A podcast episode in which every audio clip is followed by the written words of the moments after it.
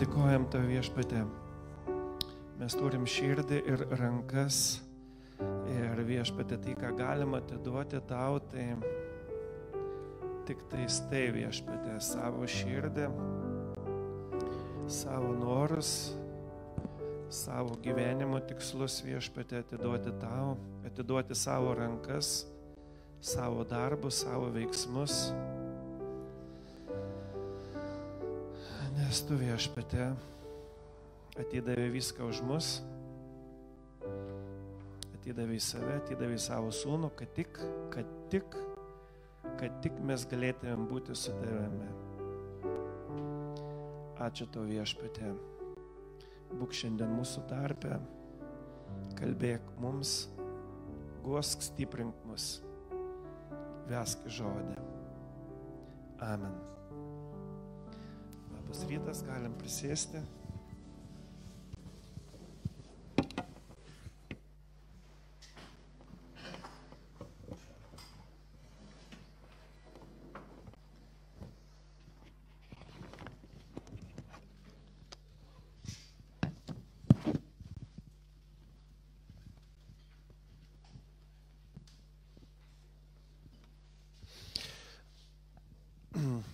kalbėsiu iš 107 psalmės. Mes girdėjom pastoriaus pamokslą apie Dievo atleidimą, kaip ir Dovido atvejis buvo paminėtas, kaip Dievas iš tikrųjų atleido. Aš šiandien irgi kalbėsiu apie Dievo galestingumą. Ir 107 psalmė tokia yra ne visai trumpa, ten net 43 eilutės. Ten jeigu aš ją lietai labai skaityčiau, tai net ir turbūt pamokslauti nebereikėtų. Tas laikas taip ir prabėgtų, vis tiek Dievo žodį išgirstamim. Bet jeigu aš truputį greičiau skaitysiu, tai vadinasi reikės kažką ir savo pasakyti. Pirmos trys eilutės skamba taip. Dėkokite viešpačiai, nes jis geras, nes jo ištikimoji meilė amžina. Taip te sako viešpatės išpirktieji, kuriuos jis atpirko iš vargo, surinko iš svetimų šalių, iš rytų ir vakarų, iš šiaurės ir pietų. Aš ekumeninę Bibliją naudoju, tai pas jūs gali tiesiog e, truputį e, kitaip skambėti, bet tai vis tiek bus labai labai panašiai, mintis ta pati. Tai čia tokia yra įžanga, kad uh, psalmistas ragina dėkoti viešpati už tai, kad jisai turi meilę, kuri yra ištikima, kad jis turi ištikimą meilę ir jinai yra amžina meilė. Ir jis atpirko ir surinko iš vairiausių svetimų šalių. Ir čia atrodo keturios kryptis - ten rytai, vakarai, šiaurė ir pietus. Va tos visos keturios kryptis čia kaip ir atsispindi visoje 107 psalmėje, nes uh, mes matysim uh, vat, keturis, taip pat keturis atvejus, iš kurių viešpats atpirko, iš kurių išgelbėjo. Ir lik psalmistas toliau prates uh, būtent šią mintį. Ir iš ties, kaip salmistas rašė, tai natūralu, kad buvo jam žinoma išlaisvinamas iš Egipto žydų, tai buvo didžiulis išlaisvinimas, apie kurį žydai visada prisimena ir kalba. Greičiausiai taip pat žinau ir apie Babilono, galėjau žinoti, būtent labai įvairiai, ta prasme, kada kaip buvo rašyta, bet mes matom ir Babilono nelaisvę, kada uh, paskui žydai irgi buvo išlaisvinti iš didžiulės nelaisvės. Ir čia 107 psalmė jinai dėkoja Dievui išlaisvintojui. Um, labai svarbu suprasti vieną dalyką.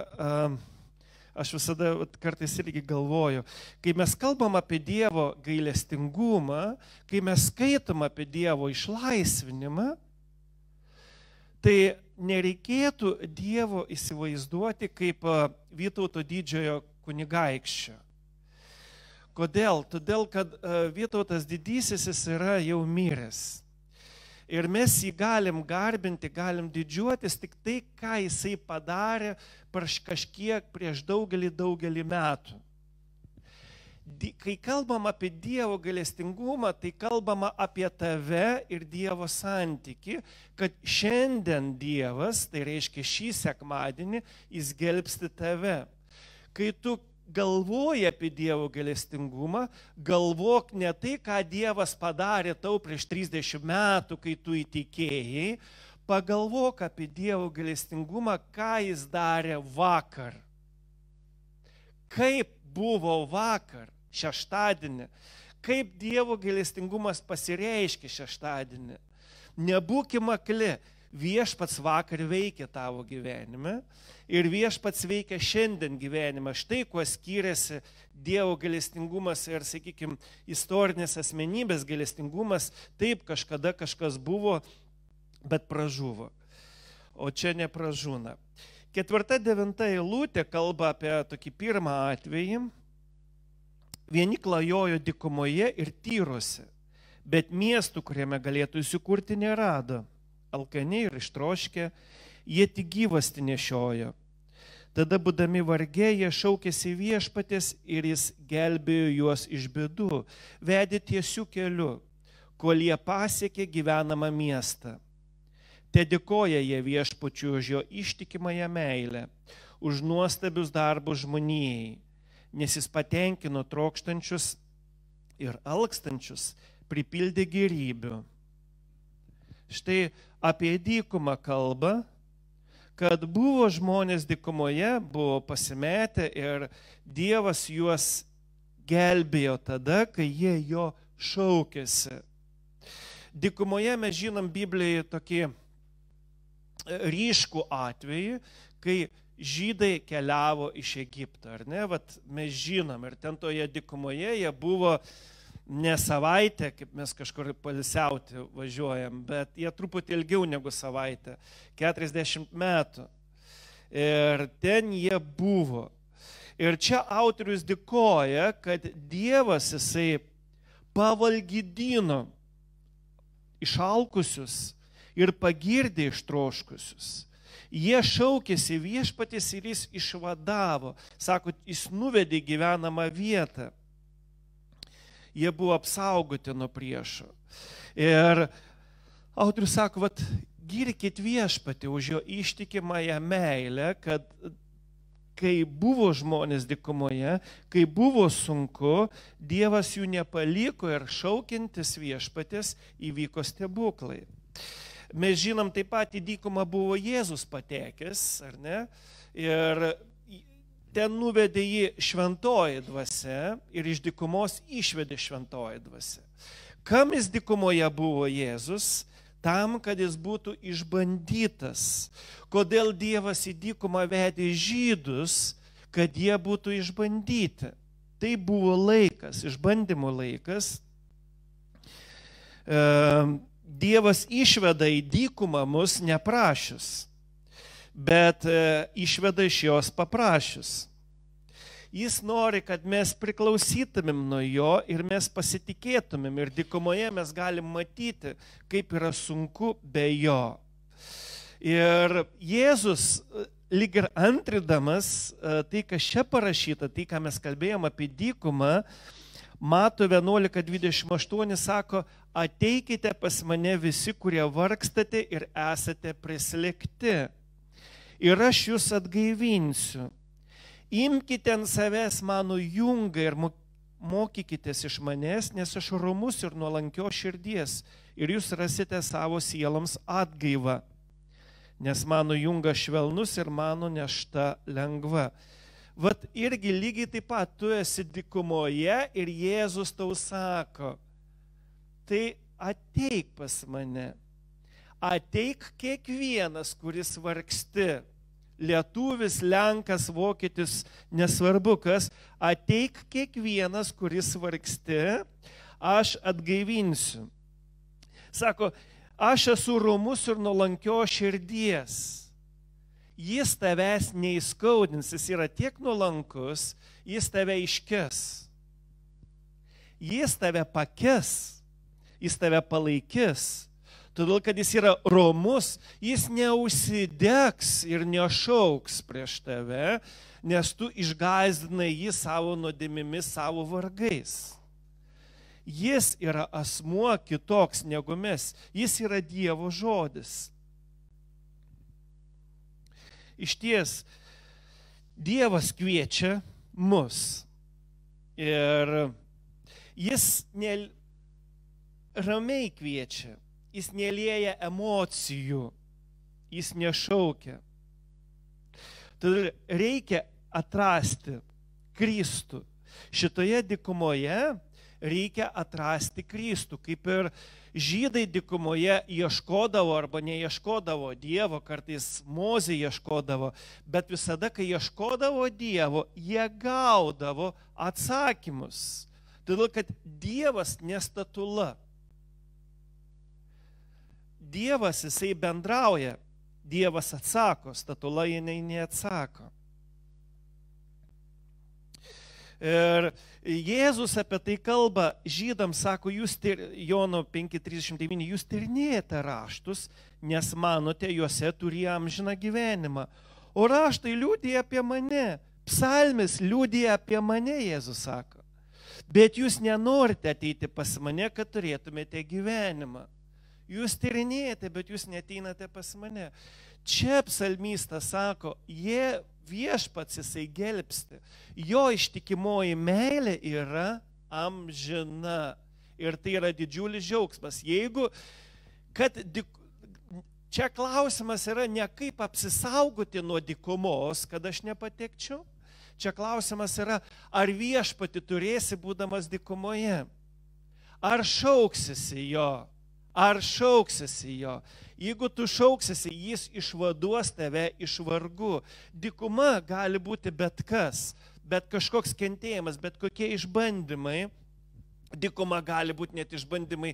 Piktas tavo viršininkas, labai nedaug. Piktas tavo viršininkas. Ir labai piktas jisai. Ir tu šaukiesi viešpatės, kad viešpats tu padėtų, nes tau sunku yra ir viešpats kažką tai daro. Viešpats tave gelbsti ir visai kitų kelių jis tave gelbsti negu mane. Kiekvienam. Ir tai yra nuostabu, kad jisai, jis yra gelbėtojas ir jisai nori, kad mes įsitikintumėm ir žinotumėm, kad jis yra gelbėtojas. Kristus gaivino dikumo išsekusius, nes Kristus, sako, buvo ta uola, iš kurios žydai gėrė. Ir nereikia bijoti dykumoje pripažinti savo silpnumą, savo sunkumą. Mes kartais būt, mes vargstam, todėl kad mes lepiamės po Dievo žodžių, sakydami, va aš vykdau Dievo žodį, bet tu matai, kad tu jo nevykdai, kad jis tau yra per sunkus. Tu sakai, na, aš turiu prieš viešpatį atrodyti kaip vykdanti žodį prieš viešpatį tu turi atrodyti atviras, nebijantis kalbėti jam apie savo sunkumą. Gal apie tavo sunkumą nenori joks žmogus girdėti, bet Dievas jisai, įdomiausia tai, kad jisai nori girdėti. Amen. Iš ties tai yra nuostabu. Sako, todėl tikintis Dievą tegu išlovina, nes jis išvedi iš dikumos. Pažiūrim psalmėse 10-16 eilutę. Nuo 10 iki 16. Kiti sėdėjo niurioje tamsoje, belaisviai, skurde ir grandinėse, nes buvo maištavę prieš viešpatė žodžius ir paniekinę aukščiausiojo užmojį. Jų širdį sutramdė kančia, jie sukniubo ir nebuvo kas padėtų. Tada, būdami vargėje, šaukėsi viešpatis ir jis išvadavo juos iš bėdų. Išvedė juos iš niuriausios tamsos ir sutraukė jų pančius. Te dėkoja jie viešpačiui už jo ištikimąją meilę, už nuostabius darbus žmonijai, nes jis pralaužia vario vartus ir sunaikina geležies velkės. Valgi, ačiū Dievui. Vieni buvo kalėjime uždaryti, čia yra kitas atvejis, tai kalėjime uždaryti ir iš kalėjimo viešpats ištraukė, kada žmonės jo šaukėsi. Kai patenkama į dykumą ir į kalėjimą, tai skirtingai patenkama. Į dykumą patenkama, kai viešpats nori išbandyti. Į kalėjimą patenkama, kai Dievas baudžia. Tai yra už bausmės. Į kalėjimą patenkama už bausmės. Ne dėl to, kad mes norim būti išbandyti ir užsirašom, kad norėtumėm kalėjime pagyventi. Mes taip nedarom, mes jeigu norim kažkokių išbandymų, mes e, kopiam į kalnus, dar kažkur, tai ten, kur yra sunku, bet ne, ne į kalėjimą. Į kalėjimą patenkama, kaip ir čia kalbama, kad uh, žmonės jie nusidėjo. Uh, čia gali būti taip pat ir Babilono laikai, kai žydai buvo paimti į nelaisvę nes Dievas baudžia jisai už nuodėmę. Ir tai, kad apie bausmę už nuodėmę Biblija labai daug kur kalba, ar tai nėra kažkokia tai naujiena ar, ar, ar kažkas panašaus, kad Dievas jisai taip elgesi, dėl to, kad Dievas žiūri teisingumą. Ir nes Dievas yra pasakęs, kad nuodėmė atneša mirtį, vadinasi visišką atskirimą nuo Dievo. Nes kai kalbama, kad vat, ir Adomui ir su Jėva sakė Dievas, tą dieną, kai nusidėsite, suvalgysite, nusidėsite, sakykime, jūs mirsite. Na, vat, mes nematom, kad jie būtų mirę, nes jie dar gyveno ten, nežinau, ten, bet iš viso tik 900 metų mirė kažkur tai Adomas, tai atrodytų, kur ta mirtis.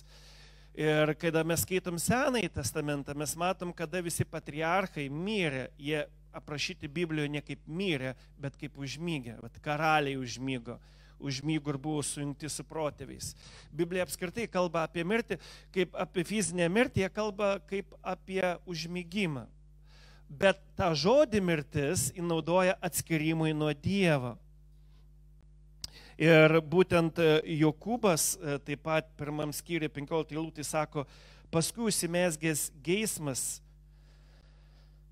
pagimdo nuodėmę, užbaigta nuodėmė gimdo mirtį. Užbaigta nuodėmė gimdo mirtį, atskirimą visišką nuo Dievo. Dievas šiandien valdo modernų pasaulį lygiai taip pat, kaip jis valdė senąjį. Dievas nepaseno, tik tais pasikeitė žmonių mąstymas.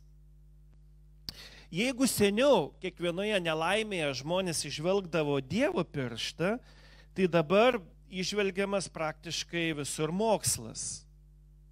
Kad tai yra aplinkybės, tam tikros aplinkybės, kad atsiranda kažkokie tai nepageidautini dalykai. Ir tai tik tais. Ir atrodytų taip, kad Dievo darbai tai negali būti, nes tai lyg ir prieštarauja pačiam mokslui.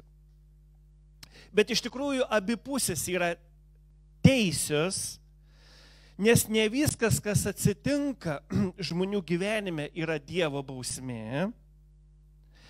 Ir už kiekvieno mokslinio paaiškinimo visgi gali būti Dievo pirštas, Dievo ranka. Tam tikrais atvejais tai gali būti Dievo bausmė, tam tikrais atvejais tai tiesiog, na, žmogus jisai per šalų pradėjo sluguoti, na, vat, e, apsirgo dar kažkas tiko, ar tai e, Dievo bausmė, kad jisai e, neapsirengė šilčiau. Tiesiog tai yra fizika, tai yra natūralu, tiesiog natūralūs dalykai, tai yra medicina, jinai gali parodyti, kad tu per šalai, paaiškinti tai labai paprastai ir konkrečiai. Tai yra tam tikrų dėsnių laikymasis. Ir, uh, ir mes žinom, kad jų reikia laikytis, kitaip mes sergam arba atsitinka kažkokie tai kiti dalykai. Per raudoną šviesoforą, pavyzdžiui, jeigu vaikštam, atsitinka irgi baisus dalykai. Tai va, tai uh, iš ties čia galim prisiminti ir sunaus palaidūno istoriją iš Luko 15 skyrius, kai jisai laimingas išėjo į kitus kraštus, turėdamas didžiulius turtus, paskui jis juos išleido tuos turtus ir žiūrėkit, kas atsitinka. Toje šalyje išleidus turtą, jam turtus atsiranda kitos aplinkybės, kyla badas. Baisus parašyta, baisus badas. Ir jis bando kartu su keuliam valgyti ten jovalus, bet pykstant jo tos keulės ir jam neišyna konkuruoti su jom ir tiesiog jisai po kiek laiko jiem apsišviečia, sako, taigi pas tėvą tokia galimybė gyventi, ten yra ir maisto, ten yra visko. Grįšiu pas tėvą ar būsiu samdiniu. Na, tikrai sunum aš nebegaliu vadintis. Matot, atgaila, jinai atgaila, supratimas nuodėmės, mes iš karto nusižeminame, suprantam, kad mes nebesam arti. Ir jisai nusižemino, gerai, eisiu pas tėvą samdiniu. Bet tėvas įpriėmė vėl sunumi. Tai didžiulis džiaugsmas. Tėvas įpriėmė. E, kiek tėvas jam išsakė priekaištų? Nei vieną. Ar mes taip galim? Zdokit, nei vieno, lyg nieko nebūtų. Tyliai ramiai, viskas. Praėjo, sako, labai džiugu, kad grįžai, padarysim puotą. Štai žiedas ir padarysim puotą. Iš ties tai, vėlgi, bet pats papuolimas, tai jisai buvo dėl to, kad jisai nusidėjo. Rūtos knygoje mes matom apie Naomę, kai Izraelėje kilo sunkus laikas, daugiau buvo toks kaip ir, ir badas ir panašiai, jinai išvyko į, su visa šeima, su sunumis ir su vyru į Moabo šalį gyventi. E, čia tai, kaip pasakyti, kai mes skaitom, atrodo labai paprastai, vad išvykai gyventi į kokią Angliją, į Norvegiją, dar kažkur. Bet jeigu skaito žydas, tai nėra labai natūralu ir net papiktina stipriai. Moabitai yra pagonis. Jie yra loto palikonis. Ir jie yra visiškai pagonis. Jie yra, galima sakyti, taip, Dievo tautos priešai. Ten yra kiti dievai. Ir čia simbolika yra ta, kad vat, Dievas nebepadeda mūsų šalyje, aš einu pas kitus dievus, kad jie suteiktų, nes pas kitus dievus yra turtai. Ir žiūrėkit, kas vyksta. Ji praranda turtus, jinai praranda vyrą mirštą ir apsiveda du sūnus ir du sūnus miršta. Jinai lieka su dviem marčiomis. Ir paskui su viena mar, Martis, Marti viena, tai buvo Rūta jos vardas, kuris sutiko grįžti ir norėjo grįžti į Izraelį. Ir kai grįžo Naomi į Izraelį, ją pasitiko artimieji ir žiūrėkit, ką jinai sako. Naomi vardas jisai reiškia miela, nuostabi, panašiai taip verčiasi. Ir jis sako Rūto, Rūto, Rūtos pirmam skyriui 20 eilutėje, nevadinkite manęs Naome, na, mėla, nuostabi, vadinkite mane Mara, nes visagalis labai apkartino mano gyvenimą. Išėjau turtinga, o viešpats parvedė tuščiomis rankomis. Kodėl vadinate mane Naome? Juk viešpats paliūdėjo prieš mane, visagalis mane nubaudė. Iš ties toliau istorija klostas, jeigu kažkas nežinot, Rūtos knygos istorija, jinai labai gražiai klostosi, Dievas palaimina atstato ir e, Rūta išteka. Rūta ne tik, kad išteka už žydo, kuris tiki Dievu, bet į genealogijos medį Rūta įeina kaip e, į Jėzus genealogijos medį įeina Rūta. Ir tai iš ties e, Dievo taip buvo patvarkyta Dievo buvo didžiulė malonė, kad Rūta jinai pasiliko su Naome, o Naome jinai irgi pradėjo gyventi visai kitaip. Bet matot, kas čia yra? Vienas dalykas, Naome pripažįsta. Mes sakytumėm taip, galim sakyti, žiūrėkit, šiuo laiku, kad a, na, nevadinkit manęs Naome, nes vadinkit mane Mara, nes aplinkybės lėmė, kad nuėjus į Moabą, ten kilo dar baisesnis e, košmaras, nes e, mirė vyras nuo uh, kažkokios tai lygos, pasirodo, kad genetiškai ir tie jo sūnus buvo paveldėję kažkokią tai lygą ir visi mirė. Tiesiog va, tokios aplinkybės, toks mano likimas. Ar ne? Galima net tai pradėti. Iš ties, tai kalbama kartais, kai, kai mes netikim Dievu ir nematom, nesuprantam Dievo žodžio. Bet čia rodoma, kad viską tai lėmė Dievas. Kaip prasidėjo viskas? Prasidėjo tai, kad buvo kažkur tai iškeliauta, buvo peržengtas Dievo įstatymas, Dievo žodis. Bet nors ir Dievas baudžia, Dievas padeda. Yra Dievo bausmė. Šiandien mūsų gyvenimuose visame pasaulyje Dievas veikia kaip ne koks varganas žmogelis keliaudamas po pasaulio, o kaip valdovas valdydamas visą pasaulį.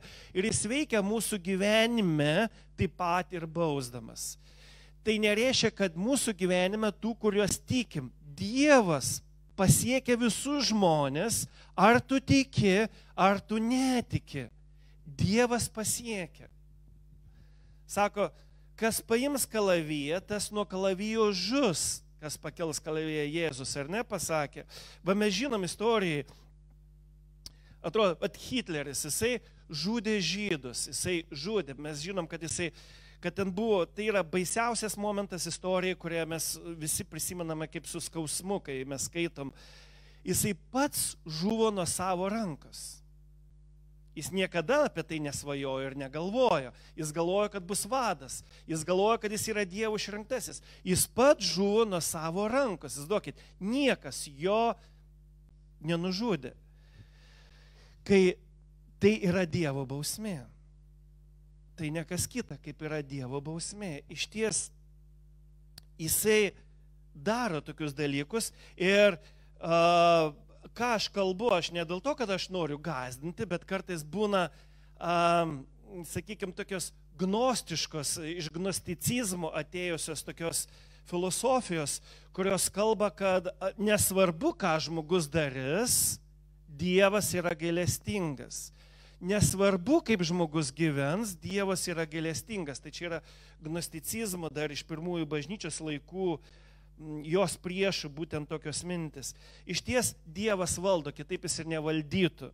Dievas nėra tik tais a, gailestingumas, bet teisingumo. Pas jį yra ir tai, ir tai. Bet pats džiaugsmas, kad jeigu tu nusikaltai, tu gali ateiti pas Dievą. Taip pat mums yra pagundimas vertinti kiekvieną įvykį kaip Dievo bausmė būkim atsargus, kai aš matau, kad kažkas vyksta kito žmogaus gyvenime, aš sakau, tai vyksta Dievo bausmė, kažkas jam atsitiko Dievo bausmė. Būkim atsargus, nes kas įvyksta tada? Tie dalykai užkėtina mūsų širdį. Ir vietoj to, kad mes suteiktumėm kažkokią tai pagalbą padėtumėm, mes tiesiog nusisukam. Mes nusisukam nuo nusidėlio. Kažkuo nusidėta yra ir vat, kažkuo tai kenčia dantis skauda, va taip tau ir reikia. Tai yra Dievo bausmė, danties skausmas. Ir jokios pagalbos medicinos aš nekviesiu ir neregistruosiu tavęs, pakentiek savaitę. Iš ties tai a, Dievas va taip išbando mus per kitų nelaimės. Ir mes nepraeinam patys išbandymą. Vėl atsitinka kitas dalykas, kad mes patys nepraeinam. Ir tai, tai ir buvo mūsų dykuma, mes sakom, kur Dieve nuvesi dykumą, Dievas davė tau nelaimingus žmonės, tu juos visus sustatai į eilę, tar, tar, etiketės visiems uždėjai, Dievas sako, netikėčiau reikėjo uždėti, nes tuose žmonėse aš buvau, tik aš buvau ligoniniai, tik aš tame kalėjime buvau. Ir bet kada mes šaukėmės, kad ir kokie mes baisus palaidūnai būtumėm nusidėliai, dar kažkas mane tai godžia kad Dievas ateina ne su dalgiu tada. Žmonės gali ateiti su dalgiu, Dievas ateina gelbėti. Ir padėti nelaimėje, bet jis padeda taip nelaimėje, kaip tu nesitikė. Jis pamaitina, jis išvaduoja. Tai nuostabu, kad mes galim jo šauktis, kaip ir čia kalbama, kad mes galim, nes jis pralaužė, sako, vartus ir galim šauktis. Dabar nuo 17 iki 22 eilutės paskaitysim kitokį atvejį. Vieni buvo pasiligoję dėl savo nuodimingo kelio ir už savo kaltes turėjo kentėti. Į maistą jie negalėjo net pažiūrėti ir buvo netoli mirties vartų. Tada būdami varge, Jie šaukėsi viešpatės ir jis išvadavo juos iš bėdų, siunti savo žodį jiems išgydyti ir išgelbėti nuo pražūties. Te dėkoja jie viešpačiui už jo ištikimąją meilę, už nuostabius darbus žmonijai. Te atnašauja bendravimo aukas ir te skelbė jo darbus, džiugesio gesmėmis. Vat irgi kviečia dėkoti viešpačiui tuos ir ne tik tuos, ir mus, kurie mes skaitam, kad Dievas išgydė žmonės, kurie sirgo dėl savo nuodėmių. Taip pat, kai mes kalbėjom apie nuodėmės, yra kažkoks kalėjimas, bet yra taip pat ir lygos. E, ir jie buvo patekę į lygas. Tiek ir šiandien, tiek ir vakar yra, gali būti lygos kaip Dievo bausmė. Ne visos lygos yra kaip Dievo bausmė, bet gali būti lygos kaip Dievo bausmė žmonėm. Ir aš nenoriu jūsų gazdinti, e, taip rašoma Biblijoje ne vienoje vietoje, bet svarbiausias dalykas yra tas, kad jeigu ir yra tai bausmė mano lyga, aš nepaliktas be Dievo. Aš ne vienišas. Ir man nesvarbu, ką kalba kiti ir ką kalba gydytojai. Aš galiu šauktis gydytojo iš dangaus ir jisai siūs žodį gydyti mane. Štai, sakykime, iš Naujojo testamento keletas atvejų. Jono 9 skyrius, pirmoji lūtė sako taip, eidamas pro šalį, Jėzus pamatė žmogų aklą gimusi.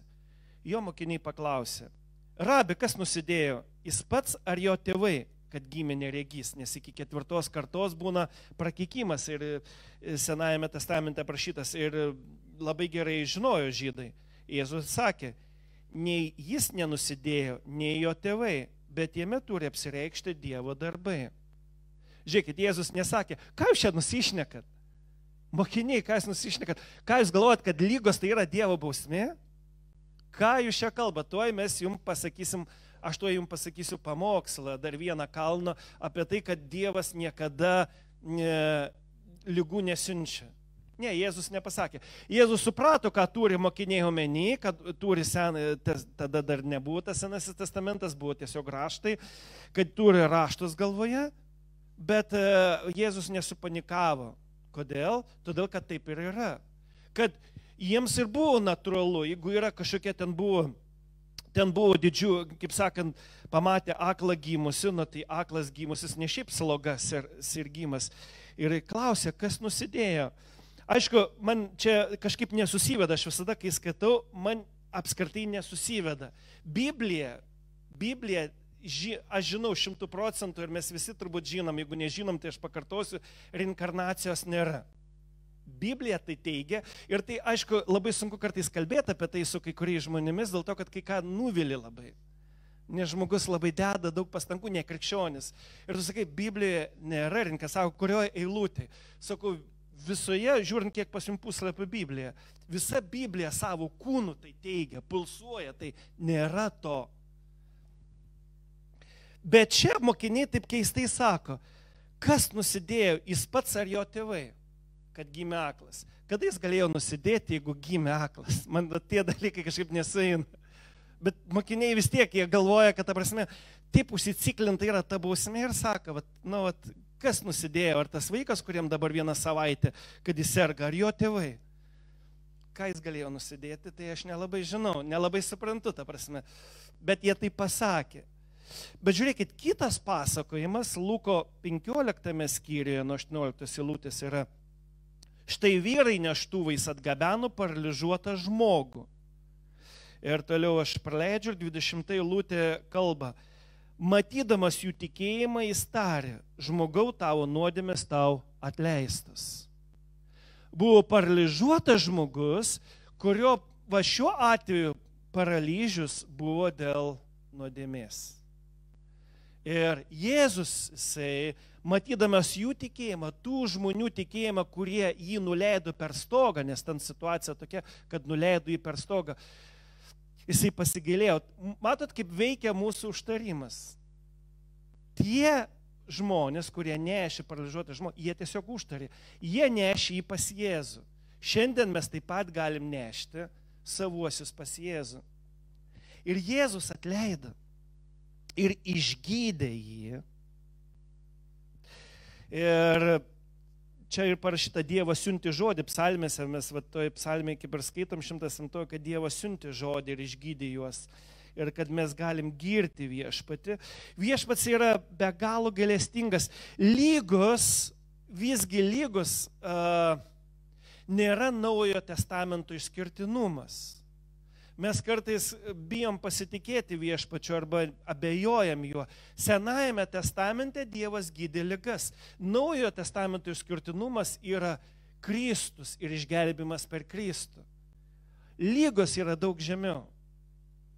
Kad Dievas gydytų ligas, negalvo, kad Dievui lengviau išgelbėti negu išgydyti. Gydė jau Senajame testamente. Antra karalių knyga, 20, 20 skyriui, yra istorija apie karalių Ezekiją, Judo karalių. Sako, tomis dienomis Ezekijas mirtinai susirgo. Pranašas Izaijas, Amocų sunus, atėjęs pasitarė. Taip sako viešpats, sutvarkyk savo namus, nes tu nebepasveiksi, bet mirsi. Tada Ezekijas nusigrėžė į sieną ir meldėsi viešpati, atsimink, kad aš vaikščiojau prieš tave teisingai ir tobula širdimi ir dariau gerą tavo akise. Ir Ezekijas graudžiai verkė.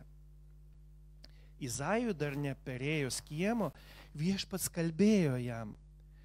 Grįžk ir sakyk mano tautos vadui Ezekijui.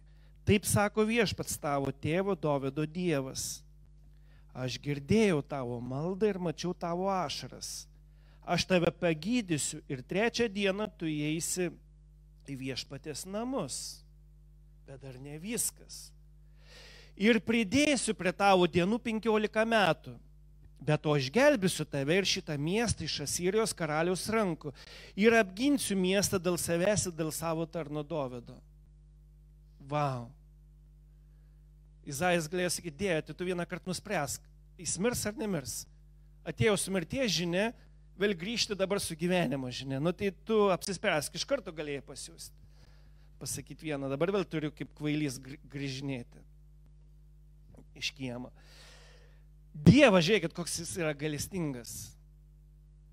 Ezekijas verkė prieš Dievą, Jis buvo nusidėjęs, taip jis buvo, nes e, karalių knyga apie tai plačiai nerašo, bet jeigu kroniko knygose skaitam ten, jis buvo pasididžiavęs, jisai, kai nugalėjo priešus, pasididžiavo ir dabar jis pasididžiuos vėl po to, e, po šito išgyjimo. Bet viešpats, svarbiausia, kad viešpats gelbėjo, kada buvo šaukimasis. Wow.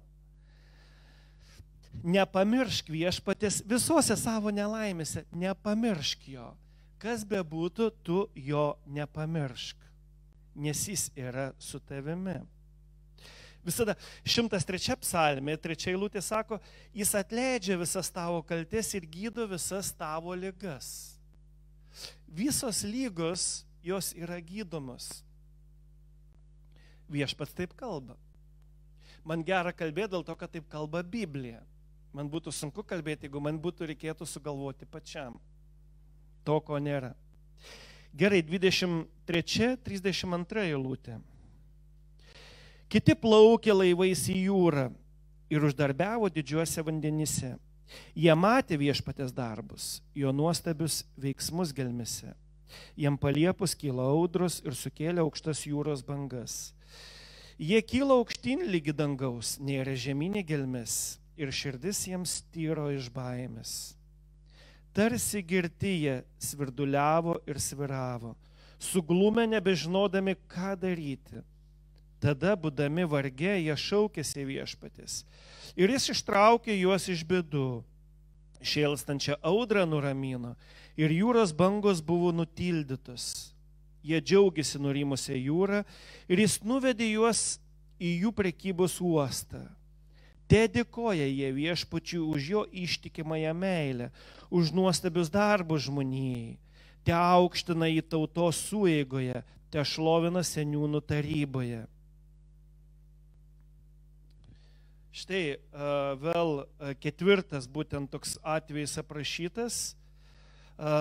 Jūra, audringa jūra, tiesiog audringa jūra.